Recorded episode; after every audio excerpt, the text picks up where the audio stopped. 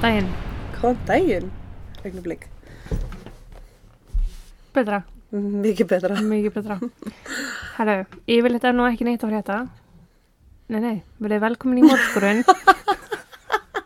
Ég er Jóhanna Ég þurftis. og yfirleitt er ekki mikið að frétta. En ég verð bara að byggja stafsökunar á henni dóttur minni í síðasta þetta. Ég skildi Þórdísi þannig að það hefði lítið hyrst í henni þar til að ég fekk að fá send bara skilabóð um hvað heyrðist mikið í og ég er bara með mín. um, Ok, nei, þetta er max krútlegt. ekki í bland við batnadauða og, og stungusár og Þurftur bara að segja þetta? Nei, ég alveg tala, það er bara staðan. en staðan var samt svo að maður minn sjómaður, ég vil tökja við upp þegar hann er heima, hann var ekki heima í síðustu viku og já, dagskráin okkar að taka upp trassaði staðans. Kemur ekki fyrir aftur, afsakið þetta. En ég potið eitthvað tíman. Alveg potið, sko, en það var voða gott fyrir mig að segja það hérna, að það komist ekki, komið til með, Laga samviskuna. já. Já. Jæja, ok, annað var það ekki. Nei. Nei, nei, Nei, bara mjög góð. gott að byrja þetta á vandrarlegum nótum. Mhm. Hörru, Pela Trossi, ég ætla að segja þér frá henni. Hvað heitir hún? Pela,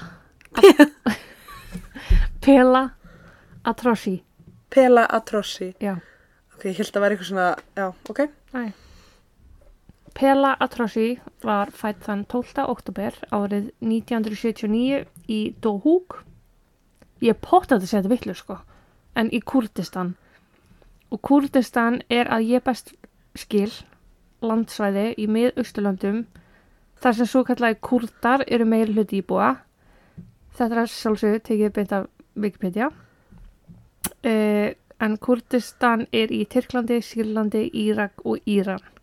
En Dohuk, borgin sem Pela er frá, hún er í Írak, norður Írak. Þannig að þegar ég sé Írak, þá á ég við Dohuk. Sérst bærin Já, sem að hún er frá. já. Sérst yfir þá, þetta er bara kurdalandsvæði. Já, Sérst sem að er þá á fleiri en einum stöðum. já, bara Já. Kurdistan er eitthvað, já, landsvæði. Ok. Ég get ekki útskilt þetta betra að Wikipedia sagði mér, sko. En allavega, hún Pela var ein af tíu börnum fóröldur sinna. Já, sæll. Agit og Fatima og einu ári eldri en sýsti sín, hún Brín, sem ég kem til með að fjalla um hér í dag líka. Ok. Pela hefði verið fyrsta barn fóreldra sinna og fyrsta barnabarn föðu fóreldra sinna og því fjekk af hennar þann heiður að valja hana nafn. Pela var fyrir valinu sem því er alda eða öldur út á sjó. Hmm. Eins og Bilgja Bára, alda, Pela, Þetta útskýra fyrir mér eða hinnum. þér. Ok. Móður Pela, Fatima, var einungis 15 ára þegar hún giftist Agit, föður Pela, sem var 12 árum eldri en hún sjálf. Mm. Ég er svo tæp eitthvað, ég, Ég er svo að passa að hreyfa vandræðaleg. mikið út af hennar brakstón. En gráður vorum öskandi barni í síðasta þætti. Fyrstu árin bjó fjölskyldan hjá föður Agit, Ava Pela og nautu góð saf. Ammaður og afi sá ekki sólina fyrir barnaböndunum en reglur voru þó mjög strangar.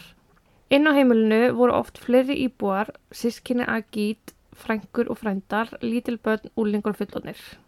Fjölskyldan var mjög samheldin og rosalega stór flesti kallmenn voru stríði og konur þeirra og börn byggu þá yfirlt inn á heimilinu. Þannig að afinn er svona ættarhöfuð og það er bara búa allir ef þeir þurfa. Þannig að það var alltaf bara ótrúlega mikið rótring af fólki inn á heimilinu. Já. Agit pappi Pela, Pelu, Pelu, það er skemmtilega. Agit pappi Pelu hafði einnig verið hermaður í stríðinu á milli Íraks og Íran og slasaði stíla þegar Pela var ung. Hann var nálat sprengju sem að sprakk og fekk hann fleiri fleiri sprengjubrót viðsvegar um líkamann og orsakaði það að hann var oft mjög verkjaður sem hann barði svo við allar tíð. Þegar hann átti að sjá því að herferillin er ekki lengri ákvað hann að opna bílaverkstæði og starfaði hann þar á meðan fjölskyldan bjó í Dohuk. Bílaverkstæði gekk vel, Agit var fljótlega fann að þjena mjög vel og gætt byggt fjölskyldinu sinni hús. Það var frekar þröngt um og því deildi mörg barnana herbyggjum. Pela og Brím deildi saman herbyggi og nutu góðs af. Þar voru mjög ólíkar en áttu mjög vel saman alla tíð. Pela var mjög rólegt barn, hún var ekki feimin eða tilbaka, hún var bara mjög skynsum og það var mjög, mjög lítið fyrir henni. Já. Brín sýsturinnar hins vegar var öllu fjörugri og dró Pela með sér í alls konar villisu. Þar voru algjörðu samlokur, gerðu flest saman, rifust eins og hundur og köttur en gáttu alls ekki verið án hvers annars. Hann bara höfðu ykkur aðra en þurftu ykkur aðra. Já, Þær eins og mörgunni sískinni lömdu hvora aðra alveg í spað. Brín var heldur harðhendari, kildi og reyfi hárið en Pela beit frekar og klóraði. Þess á milli sem þess reyfust og slóist þá þær sér mjög fallega saman bara, voru bara alltaf saman. Fóreldra stelpnana voru mjög ströng, þær voru ekki mjög háir í loftinu þegar ætlast til var af þeim að þær kynna elda, þvó og þrýfa. Það gerðu þær saminsku samlega en móðu þeirra þótti Pela alltaf grunnsálega snögga vaska upp og ganga frá. Hún var því oft byggðin um að endur taka verkin. Mammina grunaði að verkinu var ekki nægilega vel unnin hjá henni. Að máli var þó alls ekki það að Pela var ekki vanda sig. Hún bara gæti ekki beðið eftir að sökku sér í bækurnar því hún elskaði að lesa. æ, Reglunar á heimilinu voru ekki einungis ætlaði krökkunum. Faði þeirra hafði líka stranga reglu fyrir móðu þeirra og mátti hún lítið gera einn. Hann þurfti að elda nóti í búð, hann vildi stjórna öllum peningamálum. Foreldrarnir notuðu oft ofbeldi til að siða bönni sín og var algengt að bönnum væri slegin og eins að móðurinn væri slegin líka. er það bara óðbels aðferð? Nei, Uppeldis aðferð, já, ekki mjög. En- nei, mér hefði grunað það. Já, en þetta er aðferð sem að þau notuðu því meður og gott betur en það. Orðspor fjölskyldunar var Agít fjölskylduföðunum mjög mikilvæg. Þau voru vel liðin innan samfélagsins, litið var hátt á þau og fólk bar mikla verðingu fyrir þeim. Þessi atrossi fjölskylda var mjög vel liðin innan samfélagsins og það Mm. var pappa Pelu mjög mikilvægt að orðsporið væri tip-top. Mm. Þrátt fyrir að til dæmis ofbeldi sé einhvað sem okkar menning samþykir ekki og við myndum telja mjög óeðleg þá voru börnin öll mjög hamingisum og þegar þau lítið tilbaka segjast þau hafa átt mjög góða æsku. Það var bara þau þekkti eitthvað annað en að láta lemja sig, það var bara partur af þeirra menningu og það er bara eitthvað sem að þeim þótti eðlegt. Mm. En það kom þó að því að fjölskyldan þurfti að flýja Írak í kvelli þegar aðstæður fyrir kúrta urðu sífæld verri. Það eru aðstæður sem ég kann ekki nógu vel að segja frá og því hoppum við yfir það en í grunninn eru þetta stríð sem höfðu óbúslega áhrif á kúrta. Já, Já, ok. ég bara kann ekki nógu vel að segja frá þessu og ég er ekki að fara að do it justice með að reyna. Þannig að fjölskyldan flúði því alla leið til Svíþjar og kom sér fyrir í útkvörum Stokkólmar árið 1995. Fjölskyldunni gekk ágætlega að, al, að aðlagast þessum nýju heimakinnum, þessum nýja raunveruleika. Þau voru komin í tölvört örugara umhverfi en þau höfðu verið í í Írak og leið vel. Krakkarnir döfnuðu vel, Pela stóð sér rækilega vel í skóla og þær sýsturnar aðlögu, aðlöguðust nýju menningar heim eins og skott. Mm. Agít hins vegar breyttist töluvert við komuna til Svíþjar. Hann fór að lesa kóranin í frítíman sínum en fjölskyldan voru múslimar svo það ætti ekki að teljast neitt óvinnilegt nema hvað að ekki hann eða nokkur annar í fjölskyldinni hafði þau fram að þessu sindtrúnu neitt að viti annað en bara það sem skyldan var í skólum í Írak. Já.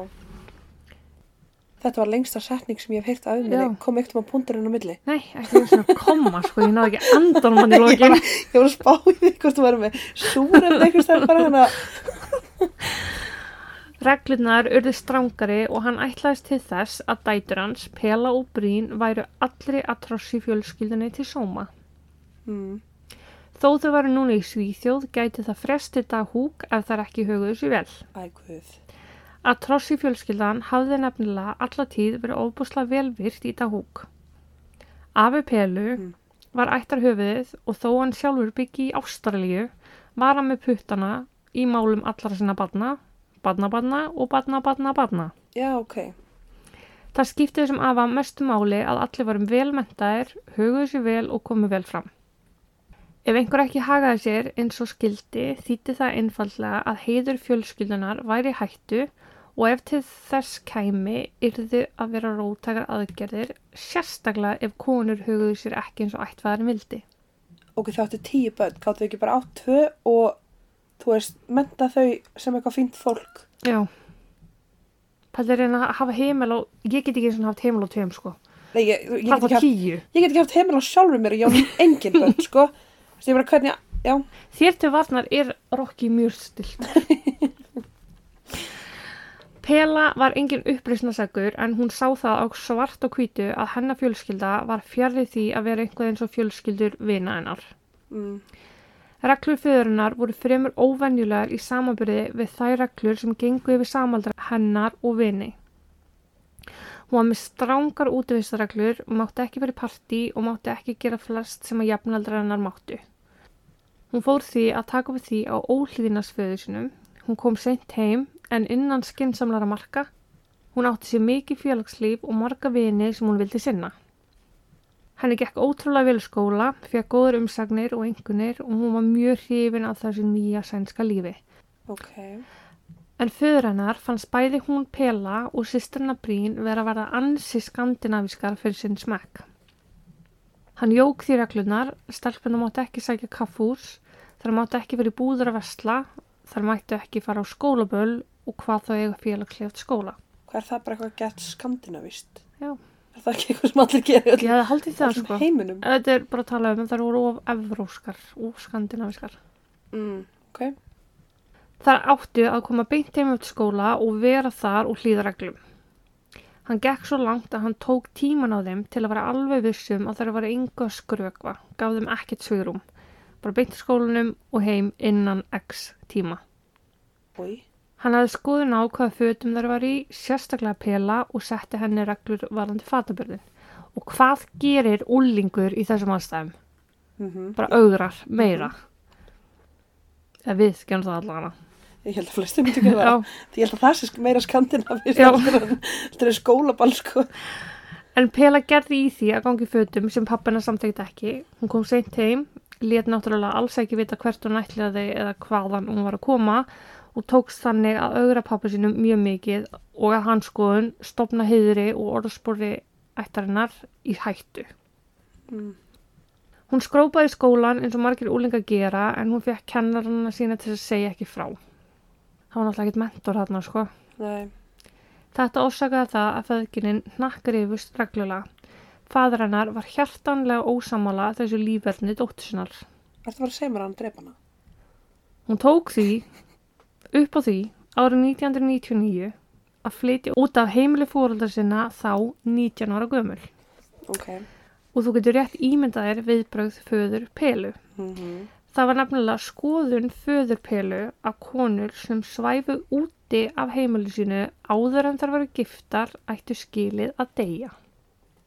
Gat hann ekki bara tekið upp, þú veist, amistrú og bara leiftin að fara að búa sem hann vill og hann getur bara verið í sinni litlu kúlu með hinnum lögfræðiböndunum sínum. Haldur að Amis megi alltaf þess að ég svipið að þeim? Ef þú ferð, þá fær ekki koma aftur. Já, Þú veist, þannig að þetta er bara, já, já, já, þú veist að meina það. já, Já. Já, góð spurning. En hvort sem það væri dætur hans eða systur ógifta konur átt ekki neitt erindi út af heimilu sínu á nætunar. bara aldrei. Ekki nema þessi giftar. Mm. Eftir að Pela flytur að heiman koma afi hennar og föðubróðir til Svíþjar og funda með föður hennar. Þar var rætt að Pela væri óhreinga bæði orðspor og heiður á trósi fjölskyldunar og einhvað þyrft að gera. Þetta var rætt fram og tilbaka í eldursunni innan heimilinu og á lokum var tekin ákvörun. Það leiði ekki langu tími þar til að Pela flutti aftur heim til fóröldur sinna. Hún kunni svo ekkert vel við að búa ein og áttaði sig á að best væri að vera bara heimi á sér þó hún væri ekkert endilega hlind öllum þessum reglum fyrir sjálfstæða og sjálfráða unga konu. Já. Fjölskyldan virtist taka vel á mótinni en henni sagt að fljótlega færi þau út til Íraks þar sem að skoða ætti fyrir hana eigimannsefni. En skipluð hjónabönd er einhver sem var eðlilegt í menningu þessar fjölskyldu og margra annara kurta. Pela hlýði því og í júni 1999 fyrir fjölskyldan út til Dohuk. Pela var svo ekki trefin af þessu hugmynd fyrir síns og mótmælti henni þegar þau voru komin til Dohuk. Mm. Það var til þess að enn meiri reyfrildi heldu áfram á milli þeirra feðgina og var mjög styrt á milli. Föðubræðurinn að Pelu leta hann líka heyra það og mikið var rífist þá daga sem að Pela var í Írak. Þann 24. júni bruti svo út enn frekari reyfrildi. Pela vildi ekki sjá það að hún fengi ekki ráða því sjálf hvenar hún myndi gangi í hjónaband og með hverjum. Frændur Pela mætti svo fljótlega eftir að reyfrildin byrjuðu, sérst föðurbræðurinnar Létið svo ekkert væru samt knúsa hana og sögðu hæ. Pela fór upp að efri hæði húsinn sem þau voru í og frændunir eldu á sann föðurinnar. Mamma Pelu og sýsternar Brín byðu niður á meðan þeim dætt í hug að upp á efri hæðinni væri verið að ræða við Pelu um hægðun hennar undarfarið. Það sem þær áttu þó ekki vona á að heyra voru tveir skotkvellir. Á efri hæðinni. Já. Brín tók á sprett upp tröppunar á efrihæðina þar sem að pappana stóði í afsta þrepinu og meina henni aðganga hæðinni. Brín öskraði af öllu lífs og sálakröftum og fatt tíma móður pelu og afturinni. Á móti tóku þeim raskar, bróður föður pelu og Brín og sagði hann við þar að pela hafi fyrirfæra sér. Hún hafi skotið sig. Bullshit. Tviðsvar. Ég fatt að það ekki. Brín komst inn í herbyggið þar sem að sýsterna lá, hún hefði verið skotin í tvígangi bringuna. Brín hefði þurft að hrinda frændi sinni þrjem sem stóði í kringum hana til að komast að pelu og henni til mikill að gleði sá hún að pela var enn á lífi. Brín spurði sýstu sinna hver hefði gert henni þetta sem hún náði að svara, einn af bróður föðurinnar hefði skotið hana. Brín og móðurinnar aðstöðaði pelu niður stegan í húsinu og komið þar henni neðst í tröppunar. Frændin með byssuna raskar, eldi þær og í þrýgang náði Brín að stöðvan þegar hann ætlaði að skjóta byssuna aftur. Að lokum náði raskar að beina byssunu í áttapelu og skaut af. Skoti hefði pelu beint í höfuðið og ljast hún samstundis.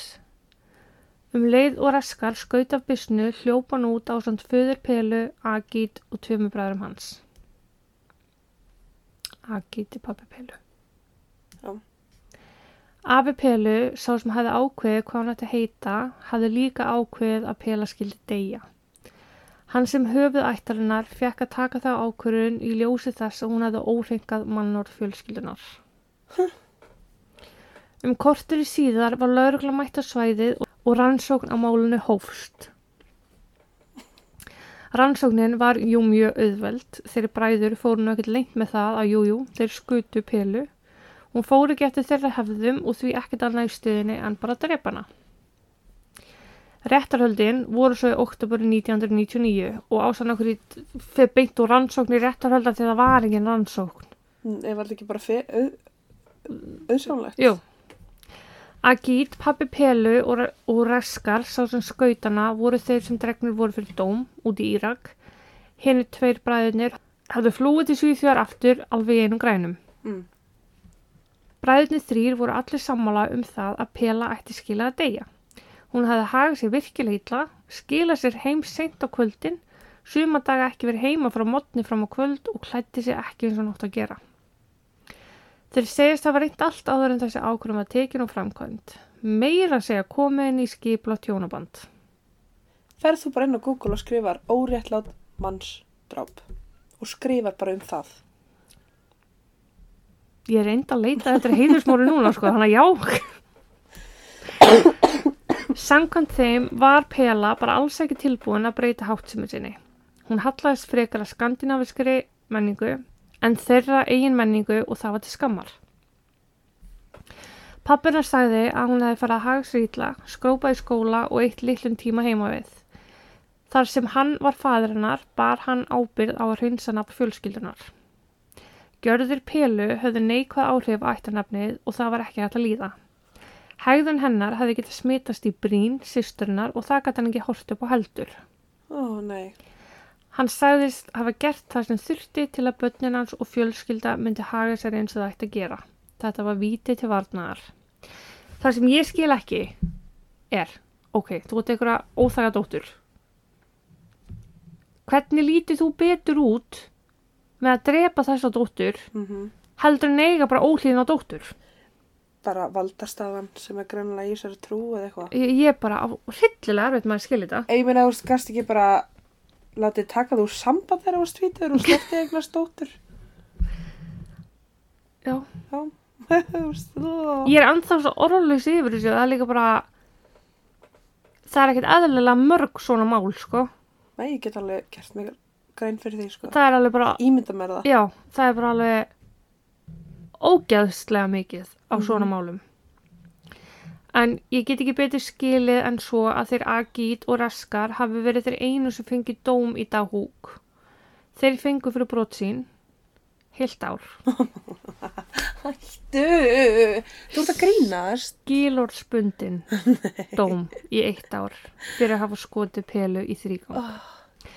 Ok, sko, fyrir fólk sem veit ekki mun á skilárspundnu og óskilárspundnu, Uh þá er besta regli heimi að það er óskilárspundið, þá er það ó-ó fangelsi Já, og skilárspundið, þá er það ekki fangelsi. já, Takk fyrir fróðleiksvátt Þórtsar. já. Það er ekkert ó- óðarna, það er bara ekkert fangilsig.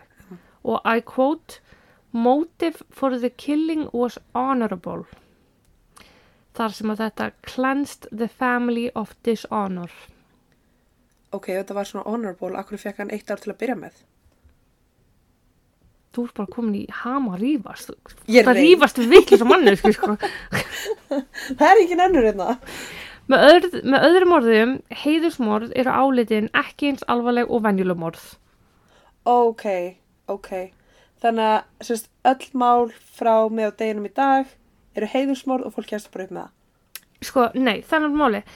Morð er morð út í norður Írak, en ef það eru svona aðstæður, þá er þetta að horfa aðeins fram hjá því þó svo að lögin segja annað. Það get ekki bara allir sagt, herðu veist að ég bara, guðin minn, Öruglega, hann trúir ekki Bara- á þetta. þetta er bara því mér, hún eða hann var bara að leggja skömm og nafn fjölskyldunum minnar. Mm. Já, nú, ok, ekki málið. Herri, ára þig, Skilárspundið. skilurspundi, ég bara á ekki til að auka tekið, sko.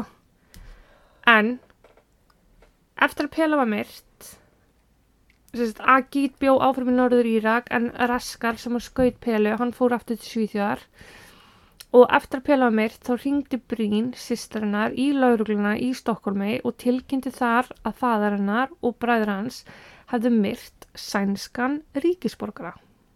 Líka. Hún pela var sænskur ríkisborgari. Ah, Tveir bræðurina voru meira að segja aftur farnir til Svíþjar og svo þriðji, Raskar, átti eftir að koma ánga aftur líka. Engin önnur en Anna Lind, sem sjálf var myrt svo fjórum ári síðar, var svo sem að sá til þess að Brín komst aftur til Svíþjar hreinlega í skjól. Hún átt svo eftir að verða aðalvitni í máli sýstunar í sænsku lagakerfi. Brín, sýsturinn. Það er þá nefnilega þannig að þegar sænsk yfirvöld fengur fregnir af því að Pela, sænsku ríkisborgari, hefði verið myrt utan svíþjóðar, skoðuðu þeir hvað þeir geti gert í málunu. Þar sem að það þótti nokkuð ljóst að ákveðið hafi verið að Pela er drepin í svíþjóð, þeir feðgar tóku þessi ákvörun inn í eldúsi bara, heima Mhm. hjá Atrosi fjölskyldinni, þá var þetta ákjæra þá fyrir bæði það og fyrir að hafa myrt sænskan ríkisborgara. Fyrir að skiplækja morð og fyrir að myrða sænskan ríkisborgara. Málið var með fyrstu heiðurs morðmálum sem hefur verið tekið fyrir í sænskun dómstólum og það er mjög sérkennilegt að því leitum til að þeir eru náttúrulega ekki minna en haldbara sannanir á milli handana nei. annað en frásögn systurinnar, Brín. Þannig að það þurfti bara að ganga út frá því að svo frásögn væri sönn. Já. En þeir eru náttúrulega með gögn frá Írak, eða húk, þar sem að það eru svarta hvítu að þeir bræður og pappin játa á þessi morðið Já. allir. Eða þeir hafa einhvers konar aðild átt að málinu. Agit var í Írak og ekkert á leiðin til Svíþjóðar og engin leið til að fá hann framsaldan heldur. Það er ekki framsald á milli Nei, er ekki samningur á milli. Tveir af þremur bræðurum voru dregnir fyrir dóm, þeir raskar sem er sagðar hafa skoti pelu og svo Dakas Atrossi. Dæmt var yfir þeim í desember árið 2000, einu og hálfa ári eftir að pela lést og í janúar 2001 var svo niðurstað komin í málið og dómur hviðin upp fyrir þeim. lífstæðafangilsi báðu tveir fyrir aðöld sína málunu. Þeir áfriða því en dómurinn var síðan staðfestur aftur nokkur mánuði síðar eða í júni 2001. Þeir losnaði samt úr fangilsi 2016 af því að það er þessi regla tveir þriðju af Mm. dómnum þá múti fara út Já. og þó að Agit sé trúlegast enn í Írak þá var hann rækilega eftirlýstur í Svíþjóð og var handtekinn fyrir glæpin gegn dóttisinu um leið ef hann einhvern tímann stígur fæti aftur inn í Svíþjóð Já. sem betur fyrr. Interpol opnaði rannsókn á afapelu til að hreinlega komast það í hvað hann var niður komin. Talið er að hann sé í felum í Kútist, Kúrtistan einhvers þar en eins og með Agit að, því gefnu að afinn sé á lífi þá verður hann líka dregin fyrir dómstóla ef að tæki verið gerst. Ok. Pela var svo jörðuð í Dahúk, hún kvílir í ómerktri gröf við hlið móðbróðsins en mamma Pelu og Brín höfðu keift leggstein fyrir Pelu. Á honum stóð einfallega Pela á samt fæðingadegi og dánadegi en þær sleftu eftirnafninu svo að pappina þyrti ekki að skamma sín yfir því að þetta var dóttir hans sem að lægi aðna grafin. Æ, þegiðu. Umverlegt. Brín sagðist aldrei geta heimsótt leiði sýstu sinna framar, hún getur ekki farið til Dahúk aftur. Ef hún myndi láta sjá sig þar þá er hún einfallega drepin af sinni eigin ætt.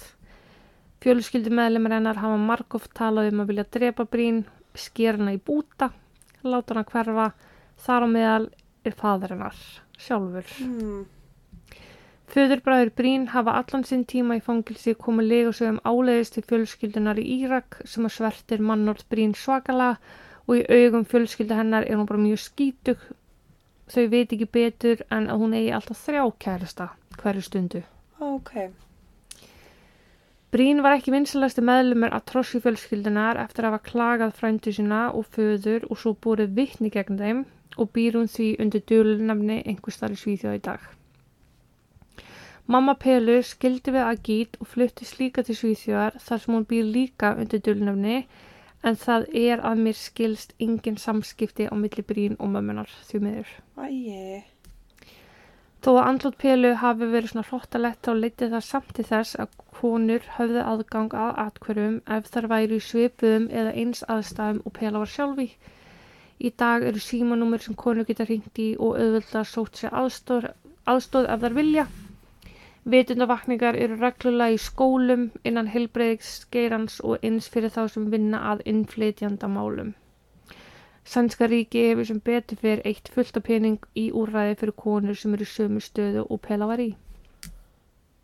Þannig við endum þetta á svona allt í læg, góðum nótum. oh, En já, ég get ekki skilið af hverju svona er í lægi í sumlöndum. Morð er alltaf morð. Sa já, einmitt. Já, eitthvað við þetta bæta.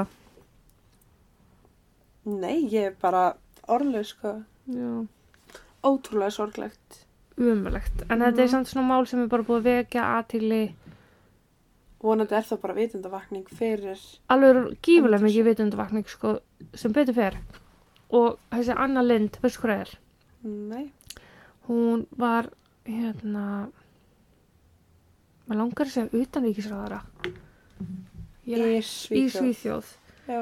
Og það var hún sem að var bara, herru, bara let's get her. Við skulum bara græja þetta. Við skulum bara fara í málið. Minister for Foreign Affairs. Og hvað, hún dó fjórum mánum síðar? Fjórum árum síðar, hún stungin, ég man eftir, ég bjó úti þetta var. Hún var bara að labba í molli og var stungin. Og ég held að morðingin, ég held að sé enda ólist. I think so. Uh, Nei, nei, það er ekki, það er sérst enda á. Nei, nei, það er hérna list. En, já. Hún sem sagt fekk brít til Svíþjar og sá til þess að það yrði vitundavakning í málum uh, hverna sem eru múslimar og bara hverna sem búa við bálegar aðstæður heima á sér út af eigimann sínum. Og eins bara, þetta er bara fyrir þeir sem eru með vonda makapunktur að þeir eigi auðveldar að maður sækja sér aðstöð sem er geggjað. Mm og alltaf nöðsilegt þó að kannski ekki hafa verið svolítið seint í lastingripið eftir að það var búið að drepa Mm. 19 ára En ég meina það þarf oftast Já. eitthvað að gerast það er nefnilega því oft bara því mjög svo leis Mm -hmm. en skammarlega stutt mál uh, sorry mig hefur ekkert meira að segja Nei, ekki heldur. ok, takk og bless Takk og bless.